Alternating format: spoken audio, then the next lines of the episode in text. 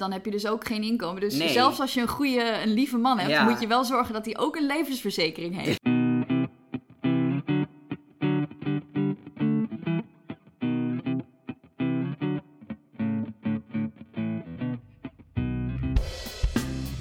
Welkom bij de Voor de Onschuld en welkom Rianne. Ja, dankjewel. Eh welkom ook Jan Willem en natuurlijk welkom luisteraar. Ja, eh, leuk dat jullie luisteren. We hebben, we hebben jou te gast nu, Rianne. Eh, natuurlijk bij onze vaste luisteraars bekend als de MVP van de Limerick. Maar eh, nou ja, nu ook een keer aan de microfoon. Ja, een echte upgrade. Ja, nou ja, laat Jamie het niet horen. Ehm, het Nee, woord voor van- mij hè, voor mij. Oh, oké, voor jou, ja. Het woord van deze week is Treadwife. Eh en dat is een samenstelling van Traditional Wife. Eh, er is een stuk in de Volkskrant geweest, eh, een tijdje geleden, eh, volgens mij afgelopen week, over deze traditional wives die terugverlangen samen met hun mannen naar, naar vervlogen tijden, specifiek de jaren 50. Eh, en die het echt als hun taak zien om het huishouden te, te doen. En dus niet te werken. Dus dat betekent ook hun man neemt alle beslissingen. Sommigen vragen hun man zelfs toestemming om het huis te verlaten. Het is een beetje, het verschilt een beetje in ja, hoe ver dit gaat. Ja, het, het idee is natuurlijk, dit zijn de echte homemakers en de, eh, de voorvechters van de echte vrouwelijke eigenschappen. Dus je hebt eh, zorgzaamheid, volgzaamheid en ook het, het worden van moeder is heel erg eh, belangrijk. Ja, en je kijkt inderdaad dus uit naar die hele traditionele taken van wat dan door hun als vrouw zijn wordt gezien, is inderdaad zorgen voor je kleine kinderen. Weet je, je man komt thuis, jij hebt het eten voor hem klaargezet. Hij mag lekker met zijn pootjes op een stoel gaan zitten. Je haalt een drankje voor hem. En dat is dan jouw manier om helemaal jezelf te zijn. Want dat vrouw zijn van jou, dat, daar hoort dat bij. Dat je dus voor iemand wil zorgen en dat je ook ondergeschikt wil zijn aan iemand. Dus vaak Ja. wordt er ook geïdealiseerd dat je dus dan geen beslissingen hoeft te nemen, want dat doet je man voor jou. Hij heeft de eindverantwoordelijkheid voor je gezin eh, en voor het welzijn van je huishouden. Hij verdient het geld en jij hoeft, jij hebt de, de, de taken in het huishouden, die legt hij helemaal bij jou. Daar heb jij dus de controle over. En verder eh, de taken die bij hem liggen, daar hoef je ook niet over na te denken. Nee, en dat is met name geld verdienen eigenlijk. Ja, precies. Ja, en waarschijnlijk ook eh, de nieuwe olie in de auto en eh het gras maaien en zo. Dat zal er ook wel bij horen dat hij dan de, de traditionele Ja, en, huishouden... en dus ook belangrijke beslissingen. Dus Ja. financiële beslissingen, maar ook eh, allerlei andere beslissingen die zeg maar niet zijn wat eten we vanavond. Ja, precies. Als je dus de vraag is of hij ehm, eh, wel of niet in Breda een nieuwe baan gaat aannemen en dat je dus naar Breda moet verhuizen. Nou, dat is dan dus aan hem. Ja, en dat- inderdaad. het idee is dan dat je dan als vrouw uiteraard wel je mening mag geven of je zorgen mag delen, maar dat de beslissing daarover Ja. die ligt bij hem. En naar welke kerk je gaat als gezin of eh, wie er op dinsdagavond mag tennissen of eh, naar de boekenclub mag als die op dezelfde tijd Ja. zijn en iemand moet thuisblijven. Ja, uiteindelijk je kan het daarover hebben, maar als je het niet eens bent, dan is er iemand die die beslissing kan nemen en dat is je Ja, man. Dus je hoeft precies. nooit echt ergens samen uit te komen. D- dit begrip is eh, vrij recent gepopulariseerd door een aantal eh, vloggers, of eigenlijk vooral vlogsters. Want het zijn de Treadwives zelf die dit eh, op TikTok en op Tumblr en op andere websites populariseren. Dat brengt wel meteen een soort van paradox met zich mee. Eh, want ja, dit, dit zijn dus vrouwen die, die beroemd zijn op TikTok en veel volgers hebben en dus eigenlijk gewoon een baan hebben. Ja, want die verdienen dus eh, geld met het hebben van geen baan. Ja. Eh, ja, dat wordt natuurlijk inderdaad een beetje paradoxaal. En met het andere vrouwen vertellen dat ze. Maar goed, laten we daar. Dat, dat zijn natuurlijk niet de typische Treadwives. Zij vertegenwoordigen, als het goed is, een groep van Treadwives die, eh, ja, die wel echt Treadwives zijn. Precies, maar daarbij hoort dan natuurlijk dat als je dat op TikTok of Tumblr bekijkt, dat de esthetiek daarvan helemaal perfect is. En Ja. de keuken is altijd schoon. Ja, en, eh, Waarvan je ook- ook denkt van, maak je die keuken wel echt zelf schoon? Ja, Als je precies. ook nog- En eh, kan iemand anders ook zo'n grote laptuin betalen om daar zelf groenten in te verbouwen? Dat is dan Ja. nog weer een andere vraag, want die heeft natuurlijk niet een populair YouTube-kanaal. Nee, Eh, precies. ja. Nou ja, en met veel van dit soort dingen die, die op internet een beetje worden, eh, worden uitgewerkt en gepopulariseerd, zie je het ook best wel ver gaan. Dus ehm, we hebben het over zorgzaamheid, volgzaamheid. Maar eh, ik zag ook bijvoorbeeld een voorbeeld langskomen van een vrouw die zei van ja, ik vraag altijd toestemming aan mijn man voor ik het huis verlaat. Dus eigenlijk het enige wat ik zonder zijn toestemming doe is de vaste weekboodschappen, want dat weet ik gewoon, dat, dat doe ik elke keer. En verder is het ook als ik met een vriendin koffie ga drinken of zo, dan app of bel ik mijn man die op zijn werk is. En dan vraag ik hem om toestemming. Ja. En ook bij het, bij het, bij het eh, doen van financiële uitgaven. Eh, ja, nogmaals, boodschappen uitgezonderd. Maar als het boven de 100 euro is, dan app ik hem om toestemming. Ja, en bij dat toestemming vragen om uit huis te gaan, denk je natuurlijk meteen van, nou, dat ging in de jaren 50, wat dan blijkbaar de idealiteit is, natuurlijk niet zo. Want Nee. toen kon je je man niet appen, want hij had geen mobiele telefoon. Nee, dus, Eh, dus het is ook heel selectief traditioneel. Wat je vaak in dit soort bewegingen ziet. Er wordt echt een beetje gecherrypicked uit, ehm, ja, uit, uit dus de tradities. Voor zover die überhaupt al echt eh, bestaan hebben. Inderdaad. Want ja, dit is natuurlijk niet echt. En, maar wat ik hierbij ook meteen denk. te- ten eerste is mijn, mijn eerste gedachte was ook wel van hoe echt is dit? Want eh, misschien een paar uitzonderingen, maar ik kan me niet voorstellen dat mensen dit echt doen. Dus misschien was het ook een soort van parodie of zo. Maar ik denk ook meteen. Ja, dit voelt een beetje BDSM-achtig eigenlijk.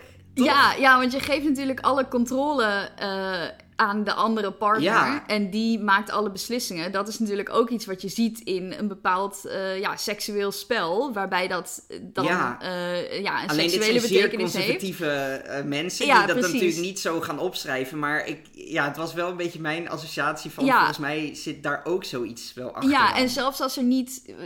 Ik denk niet dat het voor die tradwives per se een seksueel spel is om dit te doen. Maar er zit misschien wel hetzelfde achter van dat verlangen om af en toe niet de beslissingen te hoeven Ja. nemen. Dat, dat de een die uit dat zeg maar in, in een seksueel spel. En de ander die eh, doet dat in zijn hele leven door zo'n tradwife te worden. En Ja. een soort jaren 50 huisvrouw. eh ja, huisvrouwen bestaan voor zich te zien als het ideale leven. Eh, het is een heel apart fenomeen. Ik denk dat het misschien in Nederland niet zo heel veel voorkomt. Maar in de Verenigde Staten is natuurlijk, bestaat al best wel een grote cultuur van eh, bijvoorbeeld christenfundamentalisme. Mhm. Waar al bewegingen zijn waar echt wel nog heel erg van huisvrouwen met twaalf kinderen, zeg maar, Ja. nog, nog best wel. Ah, in Nederland heb je dat ook wel hoor. Ja, ja, zeker. Je hebt je natuurlijk Ja, ook traditionele de, de kerken. Bijbelgordel, waar ook veel, eh, ik denk wel dit soort dingen, ook met heel veel kinderen. En, Ja, en daar zie je misschien ook wel dat, zeg maar, als je middelbare scholier bent op, eh, op zo'n conservatieve school en je ziet dat in je kerk en als je dan eens een keer van je ouders op YouTube mag, dan zie je misschien ook wel voor je inderdaad van, oh, deze vrouw heeft een mooie tuin en eh, zorgt heel goed voor haar kinderen, dat ga ik later ook doen. Dus daar hangt het een beetje, ja. daar spreekt het wel op aan. Maar tegelijkertijd zie je volgens mij dat, dat ook vrouwen die helemaal niet uit zo'n achtergrond komen, opeens een beetje bevangen worden met het idee van: oh, dit is eigenlijk. Dit is ideaal, dit Ja. is makkelijk. En ik denk dat dat ook voortkomt uit. We hebben natuurlijk een, een turbulente periode meegemaakt met de pandemie. En de economische onzekerheid die daarbij kwam. En zeker voor vrouwen ook wel het effect van. Ja, je moet dus opeens thuiswerken. Of je bent essentieel werker en je moet wel naar je werk. Maar er is geen kinderopvang ja. plotseling komt die combi van je moet werken en voor je gezin zorgen en dat komt allemaal op je schouders en dan ga je verlangen naar een simpeler bestaan. En dat is natuurlijk wat deze, dit idee uiteindelijk voor ogen houdt van als je maar tradwife wordt, dan hoef je je nooit meer zorgen te maken. En dat is natuurlijk een heel aanlokkelijk idee. Ja, en ja, voor de vrouw. Want ik zit ook. Nou ja, ik zou dit als vrouw ook niet willen hoor. Maar ik denk ook een beetje van als man wil je dit toch ook niet? Want ja, dan moet je al die beslissingen nemen. Er stond ook, dat vond ik wel een grappig voorbeeld. Iemand die zei, een, een vrouw dus die zei van ja, als mijn man eh, de verkeerde afslag neemt op de snelweg.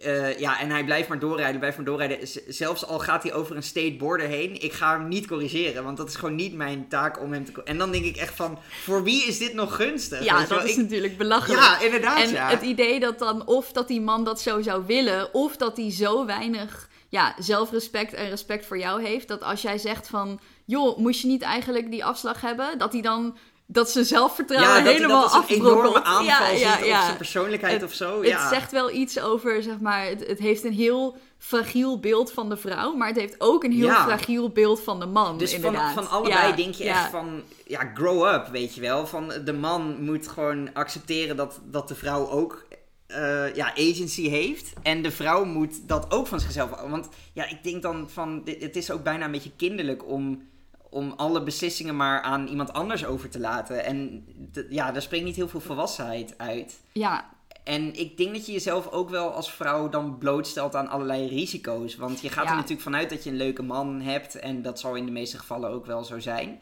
Maar ja, de, de jaren 50 staan ook wel bekend om veel eh, ja, domestic abuse en, Ja, en andere je- dingen die.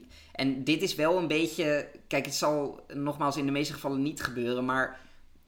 Ja, als je bijvoorbeeld op je Tinder-profiel gaat zeggen van ja, ik wil volgzaam zijn en zo, dan trek je denk ik wel een bepaald soort mannen aan. Ja, het is dus inderdaad dubbel van... Ten eerste stel je heel kwetsbaar op. Mhm. Doordat je zelf bijvoorbeeld geen inkomen hebt. En zeker als je dit al van jongs af aan wil... heb je misschien ook geen opleiding. Omdat je Ja. dan ook zeg maar, op je achttiende wilt trouwen... en meteen hier aan wil beginnen. Dus je zit dan vast. Dus je bent heel kwetsbaar. En je bent iemand die op zoek is naar een man... die houdt van kwetsbare vrouwen. Ja. En sommige mannen die eh, worden misschien ook zo opgevoed van dit is mijn taak en die zullen dat naar eer en geweten willen uitvoeren. Mhm. Maar ehm, er zijn natuurlijk ook heel veel mannen die, eh, die dat wel fijn vinden. Zo'n vrouw die alles doet wat zij zeggen. Ja. En die eigenlijk helemaal niet van plan zijn om daarbij ook rekening te houden met wat die vrouw wil. En je, je maakt je dus ook heel kwetsbaar voor misbruik en eh, voor mishandeling in je, in je relatie. En dan kun je dus niet weg. Want Nee, je dat hebt is geen ook- opleiding, je hebt vier Je kinderen. bent volledig financieel afhankelijk. En je hebt geen baan en geen spaargeld. Ja. Dus je, je maakt, en dat is natuurlijk wat er feitelijk speelde in de jaren 50. En dat is de reden dat ook ja, rond en na die tijd, eh, bijvoorbeeld toen echtscheiding en banen voor vrouwen eh, mogelijk werden, Ja. verlieten heel veel vrouwen hun man. Ja. En dat was natuurlijk omdat dat daarvoor gewoon niet kon. Want dat was niet veilig en niet mogelijk. Dus het is een heel, eh, heel kwetsbare positie waar je jezelf inzet als zo'n tradwife. En kijk, op die plaatjes en die video's... Ja, hoor je er natuurlijk nooit wat van, van eh, wat je man je aandoet als dat eten niet op tafel staat. Nee, op het nee. moment dat hij om zes uur thuis komt. Nou, en zelfs als je wel een leuke man hebt, die kan ook onder een bus komen natuurlijk. Ja, en dan heb je ook een probleem. Want nogmaals, dan heb je dus ook geen inkomen. Dus Nee. zelfs als je een goede, een lieve man hebt, Ja. moet je wel zorgen dat hij ook een levensverzekering heeft. Anders komt het alsnog Ja, niet inderdaad. goed. Maar je zou die afhankelijkheid denk ik wel deels op kunnen lossen. Want je noemt nu levensverzekering. Eh, je kunt ook een soort doen in de vorm van een goede alimentatieregeling. Ja, Ja. Niet, niet op persoonlijk niveau, maar dat is nu wel, wel veel beter geregeld dan in de jaren 50. Ja, dus wat dat dat betreft zou je nu zelfs als tradwife wel makkelijker, denk ik, je man eh, kunnen verlaten. Ja, maar Eh, ik denk dat, dat toen. je wel onderschat hoor, hoe moeilijk dat is. Ja. Ook nu nog om als je hè, eh, vier kinderen hebt en je, ja, zelfs als je dan alimentatie krijgt. Ja, zeg maar, het, het inkomen van je man moet dan opeens twee huishoudens onderhouden. Ja. En daarbij krijg jij dan niet het merendeel, terwijl je waarschijnlijk wel met je kinderen En, opgeschreven en je bent zit. niet gewend om financiële beslissingen te nemen, om überhaupt met geld om Ook te gaan. want dat, heb je ja, al ja, eh, ja. jarenlang niet meer gedaan. Dus het is, eh, ja, als het ooit een keer misgaat, kan het ook heel, heel erg misgaan. Ja, ja. ja. dus eh, dames, bezint eer begint. Kunnen we denk ik als advies namens eh ja, de podcast ja, en wel, eh, mannen, als je dit heel aanlokkelijk vindt klinken, moet je even wat zelfonderzoek doen, denk ik. ja. ja, ehm, ik denk dat het ook nog wel interessant is om te kijken van wat, ja, hoe is dit nou ontstaan? Dus een beetje de geschiedenis hiervan. Je noemde net al even de, de pandemie. Ehm, dit is denk ik vanuit een soort van wens die heel veel mensen wel hebben. Ehm, ja, het, is, het is heel erg gepresenteerd vanuit de vrouw, maar ik las in het Volkskrant-artikel dat het eigenlijk van origine uit de zogenaamde, zogenaamde manosfeer komt. Dus de, de blogsfeer van mannen op, eh, weet ik veel, Reddit en eh 4chan. ja, en de, en de, red krochten pillars. Van het, ja, de krochten van eh, het internet. Ja, die willen Die- dat je erachter komt dat het feminisme de wereld bestuurt. Ja. En dat je terug moet, inderdaad. Inderdaad. Ja. Dus nou ja, dat, is, dat zal denk ik niet echt een verrassing zijn dat het uiteindelijk dat dit een soort van mannelijk ideaalbeeld is, of in ieder geval oorspronkelijk was. Eh, en het is later overgenomen door de mamosfeer. Dus de, de moeders die... eh, die bloggen ja, en die-. Ja. Precies. En, eh, maar het, dat is dus via via gegaan. Maar eigenlijk, er zitten bepaalde wensen achter en ideeën achter die ik wel heel goed kan begrijpen, moet ik zeggen. Met name vanuit die vrouwen eigenlijk. De mannen begrijp ik eerlijk gezegd niet echt. Maar kijk, veel van die vrouwen zeggen bijvoorbeeld ook van... Hè, ik, ik word op, op mijn werk heel erg gepusht. Ik ervaar veel stress en ik moet maar werken, werken, werken in deze maatschappij. En eh, om dure spullen weer te kunnen kopen en zo. En dat is denk ik iets wat heel veel mensen wel ervaren. Ehm, we hebben het ook over quiet quitting gehad, bijvoorbeeld in een eerdere, eerdere aflevering. Ehm, alleen, ja, of anti-ambitie wordt dat dan genoemd. Maar ik, ik vraag me dan wel af van, ja, is dit echt de oplossing? Ja, het, het presenteert inderdaad een, een soort beeld van oh, als je dit leven kiest, dat, dat is, het, het is een heel idealiserend beeld. Mhm. Het heeft echt een van, oh nou dan heb je een mooi huis, hele lieve kinderen, waar je ook nooit last van hebt natuurlijk. Nou, eh, dat weet je natuurlijk eh, Dat weet je zeker niet. niet. van tevoren. Nee. En eh, sowieso zijn alle kinderen wel eens lastig. En ja, het, het schept een beetje een beeld van... Oh, dit wordt het perfecte leven. Als Ja. je er eenmaal bent, dan hoef, je, ja, dan hoef je je nooit meer zorgen te maken. Hoef je nooit meer keuzes te maken. En dan heb je het nooit meer moeilijk. En als je eenmaal dat beeld hebt, ja, dan wordt het natuurlijk heel aantrekkelijk. Ja, en je denkt Ehm, terug aan je carrière waar je de hele tijd precies. stress ervaarde. Ja, ja, en waar er heel veel van je gevraagd werd. En eh, dan denk ik van, nou, misschien moet je even kijken of er een geschiktere baan is voor jou. Voordat Ja. je denkt van, ik wil nooit meer werken. Ja, Eh, het is een heel vergaande oplossing voor iets wat misschien wel degelijk een probleem is. Eh, en jij had ook nog eh, de hashtag Stepfordwife die je wilde noemen. Ja, ja, want ik, eh, ik ben dus even gaan zoeken op Tumblr in de hashtag Threadwife. Want ik dacht, ik Ja. ben wel benieuwd wat er dus inderdaad... Ik volg uiteraard zelf niet die hashtag, maar ik dacht, ik ben wel, wel benieuwd jij wat bent erin iets feministischer gericht. ja, ja, ja dat, dat klopt wel. Dat kun je wel zo stellen. Eh, dus ik ging eens even kijken in hashtag Threadwife op Tumblr. En dan zie je, nou, om te beginnen veel plaatjes van, weet je wel, eh, vrouwen uit de jaren 60 die het huis staan te stofzuigen in Ah, ja. hun mooie jurken. Eh, vrouwen die in nog veel oudere jurken uit de jaren 1800, eh, weet je wel, groenten staan te snijden of juist oogsten uit hun eigen tuin. Ehm, en daartussen zitten allerlei citaten van eh, nou, hoe goed je dan voor je man zorgt en eh, dat hij alles voor je regelt, et cetera. En toen zag ik inderdaad dat heel veel van die posts die eh, hadden nog een hashtag en dat was Stepford Wife. Oké, Nou, Stepford Wives, dat is een boek uit de jaren 70. En in dat boek gaat een vrouw, Joanna, die gaat met haar gezin wonen in een, in een klein stadje. En, dat eh, is Stepford. dan. dat, dat Ja. stadje heet inderdaad Stepford. En zij komt er dan dus achter dat de Stepford Wives, dus de huisvrouwen in Stepford... Nou, zij denkt van, oh, we gaan een vrouwenclub oprichten. En eh, ik, Oh, hou ja. van, ik ga mensen zoeken die ook mijn hobby's hebben. En dan gaat ze bij haar buurvrouwen van, oh, wil je ook een keer mee met dit? Ja, nee, ik, eh, ik moet nog de keukenvloer in de was zetten. En ja, ik heb het vandaag heel druk met strijken. Dus Hmm. die vrouwen, zijn allemaal hele knappe vrouwen. En die doen niets dan alleen aan hun eigen huishouden Oké, denken. dat zijn echt threadwives. Dat zijn echte threadwives, inderdaad. Eh, in dit geval in de jaren 70 en niet de jaren 50. Maar dat zijn inderdaad Ja. die echte threadwives. En ehm, die hashtag, die is dus blijkbaar... Dat boek, dat, die Joanna in dat boek, die vindt dat maar niks. En Ja. die, die wil ze juist meekrijgen. En eh, die wil dat haar man de, de lokale mannenclub eh, gaat omverwerpen... zodat vrouwen ook mee mogen doen, et cetera.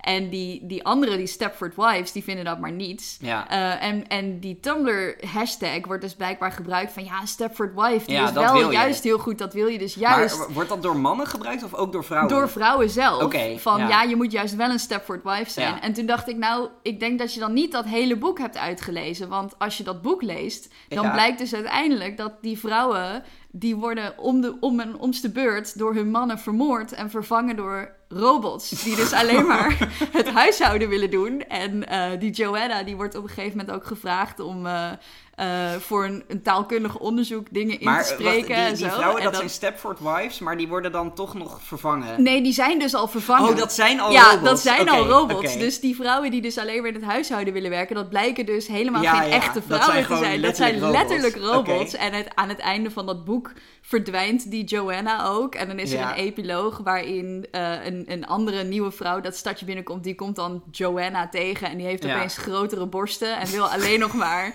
Wat, eh, wat haar- alle mannen willen precies natuurlijk. haar huishouden doen. Ja. Ehm, dus, dus dat idee dat een Stepford Wife eh, iets goeds zou zijn, dan heb je toch dat boek niet helemaal Nee, begrepen. inderdaad. En de centrale, de kern van dat boek is ook dat die mannen dus, die doen dat. Die Ja, willen dat. ja. En dat is dus, het is dus een, een, een soort feministische sat- satire op de huisvrouwen, maar het is een kritiek op mannen die dus, want die Ja, mannen in dat boek zijn willen. belachelijk. Die, Ja. die willen alleen maar grote borsten en eh, die, die vinden het dus blijkbaar ook niet erg als hun vrouw geen meningen meer heeft. Nee, En dan denk als ik het dus huis ook... maar schoon houdt. Precies, en de kinderen die vinden het ook wel prima, want Ja. nu eh, maakt mama elke dag eh, een beter ontbijt dan daarvoor, weet je wel. inderdaad. Dus het idee van dat boek is van dit, dit is juist helemaal fout. Dus ik vind het erg grappig dat dan dat blijkbaar inmiddels is het dat boek, dat, dat is een beetje in de cultuur doorgedrongen. Dus is Mhm. nu inderdaad een begrip van Stepford Wife, van een vrouw die geen meningen heeft en alleen haar huishouden doet. En dat is waarschijnlijk overgenomen Ja, door ja, deze tradwives. Die denken, ja, ik wil een Stepford Wife zijn.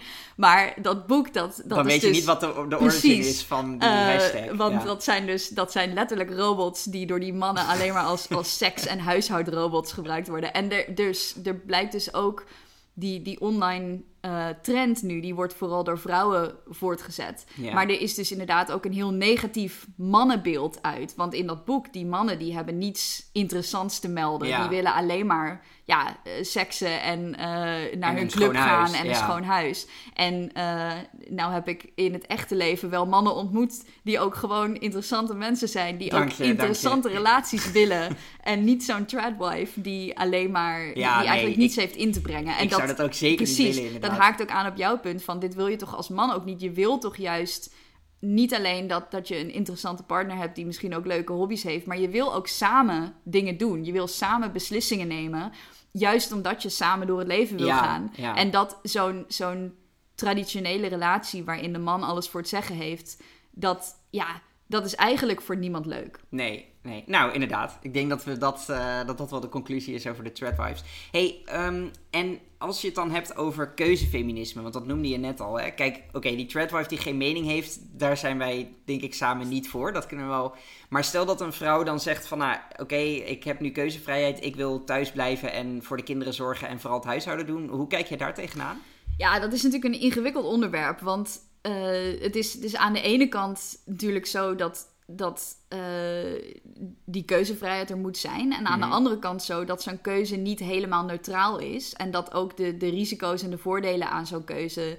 eh, voor die vrouw implicaties hebben, maar ook voor de samenleving implicaties Ja. hebben. Dus ik, ik, ja, het is een heel ingewikkeld onderwerp binnen, waar ook binnen het feminisme heel veel verschillende meningen over zijn. En eh, kijk, ik, ik heb zelf in ieder geval zoiets van: je mag inderdaad zelf die keuze maken, uiteraard. Ja. Ehm, en ik denk niet dat je daarmee per definitie iets antifeministisch aan het doen bent.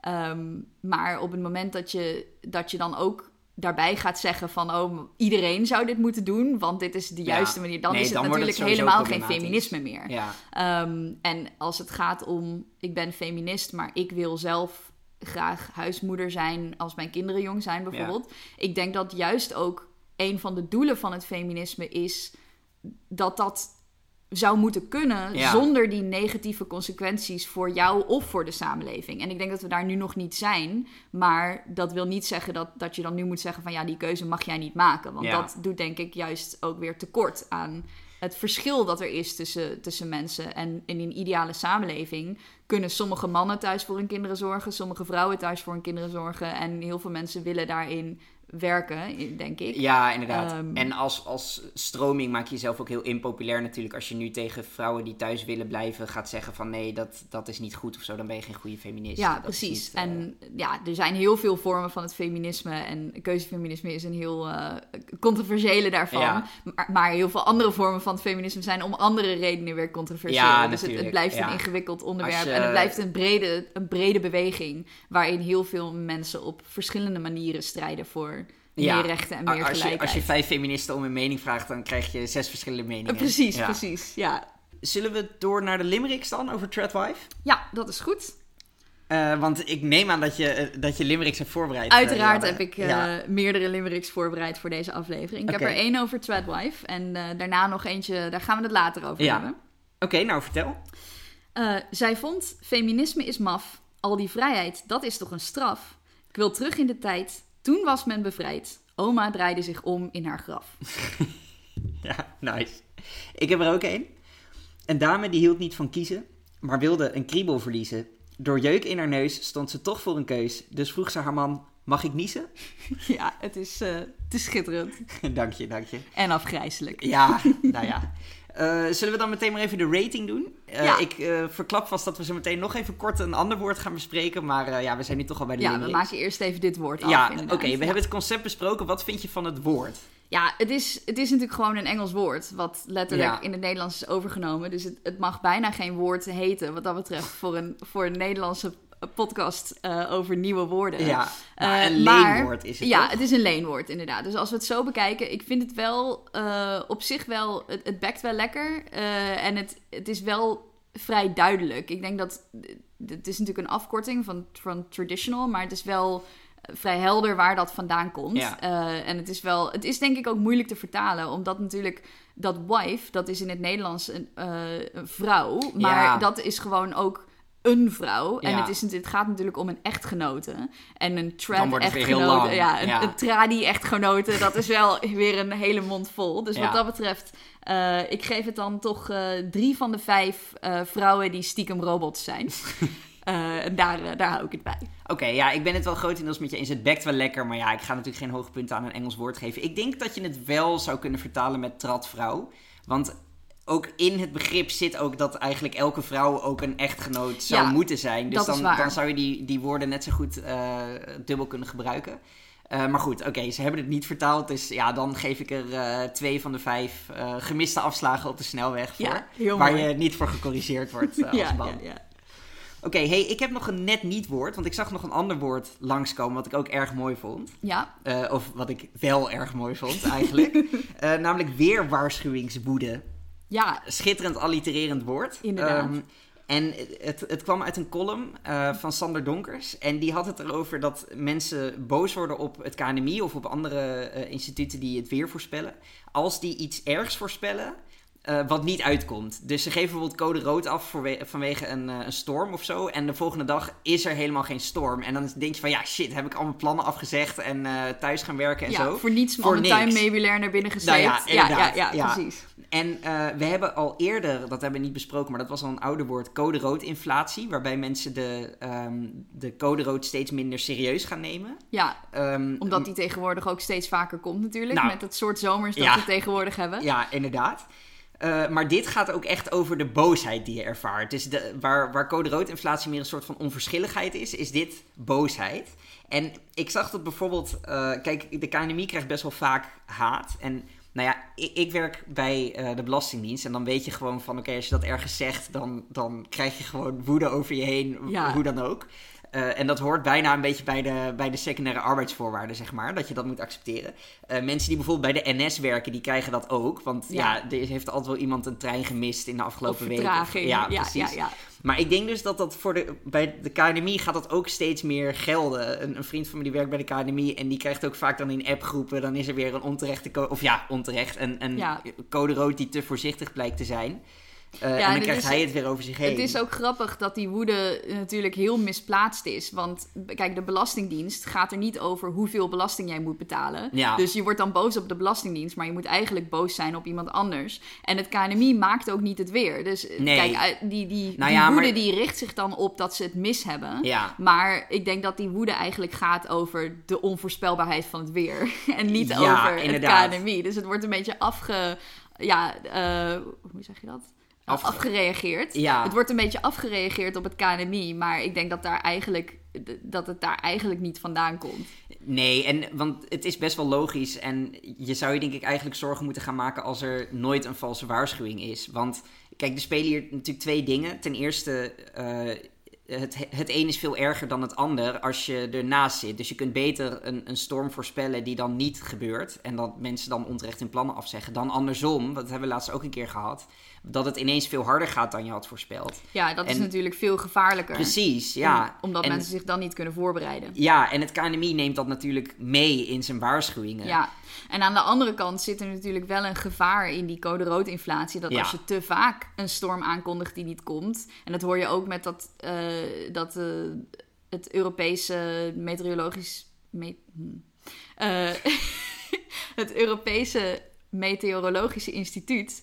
Dat wilde eerst helemaal niet dat, eh, dat stormen namen zouden krijgen. Omdat dan ja, er zitten allemaal dynamieken in van dat stormen die dan geen namen krijgen, weer niet serieus worden genomen Ah, en ja. andersom. En in de VS heb je natuurlijk normale stormen en orkanen. En die orkanen zijn heel gevaarlijk. En ze willen daarom dus niet dat bijvoorbeeld particuliere weerwebsites st- gewone stormen namen gaan geven. Omdat Ah, mensen ja. dan orkanen weer minder serieus nemen. Dus er zit een best wel ingewikkelde dynamiek van...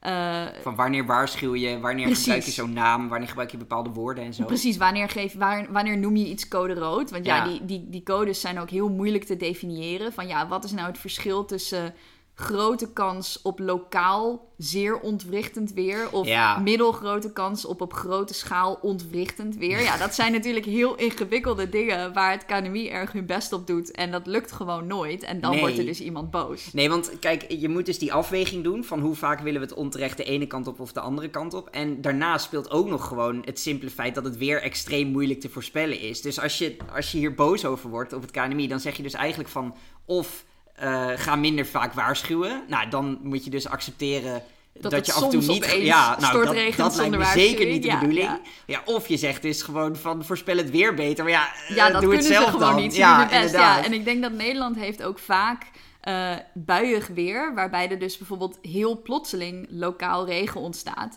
En dan zie je dus ook dat websites zoals Buienradar en Buienalarm, die doen hun best, maar die zijn dus op bepaalde dagen, kunnen die gewoon niet accuraat zijn, want ze Ja. lopen altijd vijf minuten achter door de, de momenten waarop gemeten wordt en dan moet het ook nog online komen. En dan... Het is gewoon vaak het soort weer waarin er binnen vijf minuten een bui kan ontstaan. Ja. Die dan dus plotseling komt neervallen. En dan worden mensen dus heel boos op buienradar of buienalarm Ja. of wat voor weersradar websites ze dan gebruiken. Ehm, maar dat, ja, je bent eigenlijk boos op de wolken. Ja, ja, ja, inderdaad. Dus eh weerwaarschuwingswoede eh, niet doen. Inderdaad. En eh KNMI, doe nou je best, man. Kom op, jullie kunnen beter. Door naar de limericks. Ja, dat eh, Eh, lijkt me een goed Misschien idee. moet ik zeggen limerick, want eh, tot mijn schaamte heb ik geen limerick geschreven over weerwaarschuwingswoede. Maar jij nou, wel. nou, nou, vooruit. Dan doe ik er wel twee. Dan, komt het helemaal goed. Ik Ik was heb- wel gewaarschuwd voor de weerwaarschuwingswoede. Tuinstoel slepen doe ik keer op keer, want ik kan niet aan op het weer. Blijft het droog, wordt het nat. Nu ben ik het zat. Ik schiet wel de messenger neer.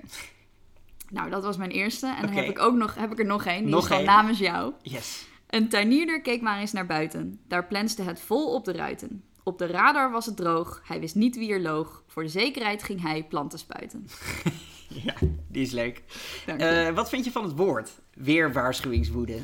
Ja, ik vind dit eh, wel een mooi woord. Ja. Het, is, het is vrij lang, maar dat maakt het dan weer goed door schitterend te allitereren. En ik vind dat ook wel duidelijk is. Je moet een beetje uitleggen, maar het, het- ik vind wel helder uit het woord waar het, eh, waar het Waar op het slaat, waar het over gaat. Eh, dus ja, ik vind het eh, een goed woord. Ik geef het vier van de vijf donderslagen bij heldere hemel. Oeh, nice. Ja, ik ook. Ja, het- kijk, alliteratie ben ik dol op. Hier zit zelfs drie dubbele in. Eh, ja, ik ga er gewoon zelfs eh, vijf van de vijf onterecht naar binnen gesleept tuinstoelen voor geven. Kijk, heel goed. Nou, dat, eh, dat loopt lekker dan. Zeer, zeer lekker. Ehm, nou, Rianne, dankjewel voor je komst. Ja, het was erg leuk om, eh, om hier te zijn. Ja, leuk om je hier eens ook eh, in de studio te hebben. Eh luisteraar, dankjewel voor het luisteren. En eh, ik zou zeggen tot de volgende keer. Tot de volgende keer. Doei!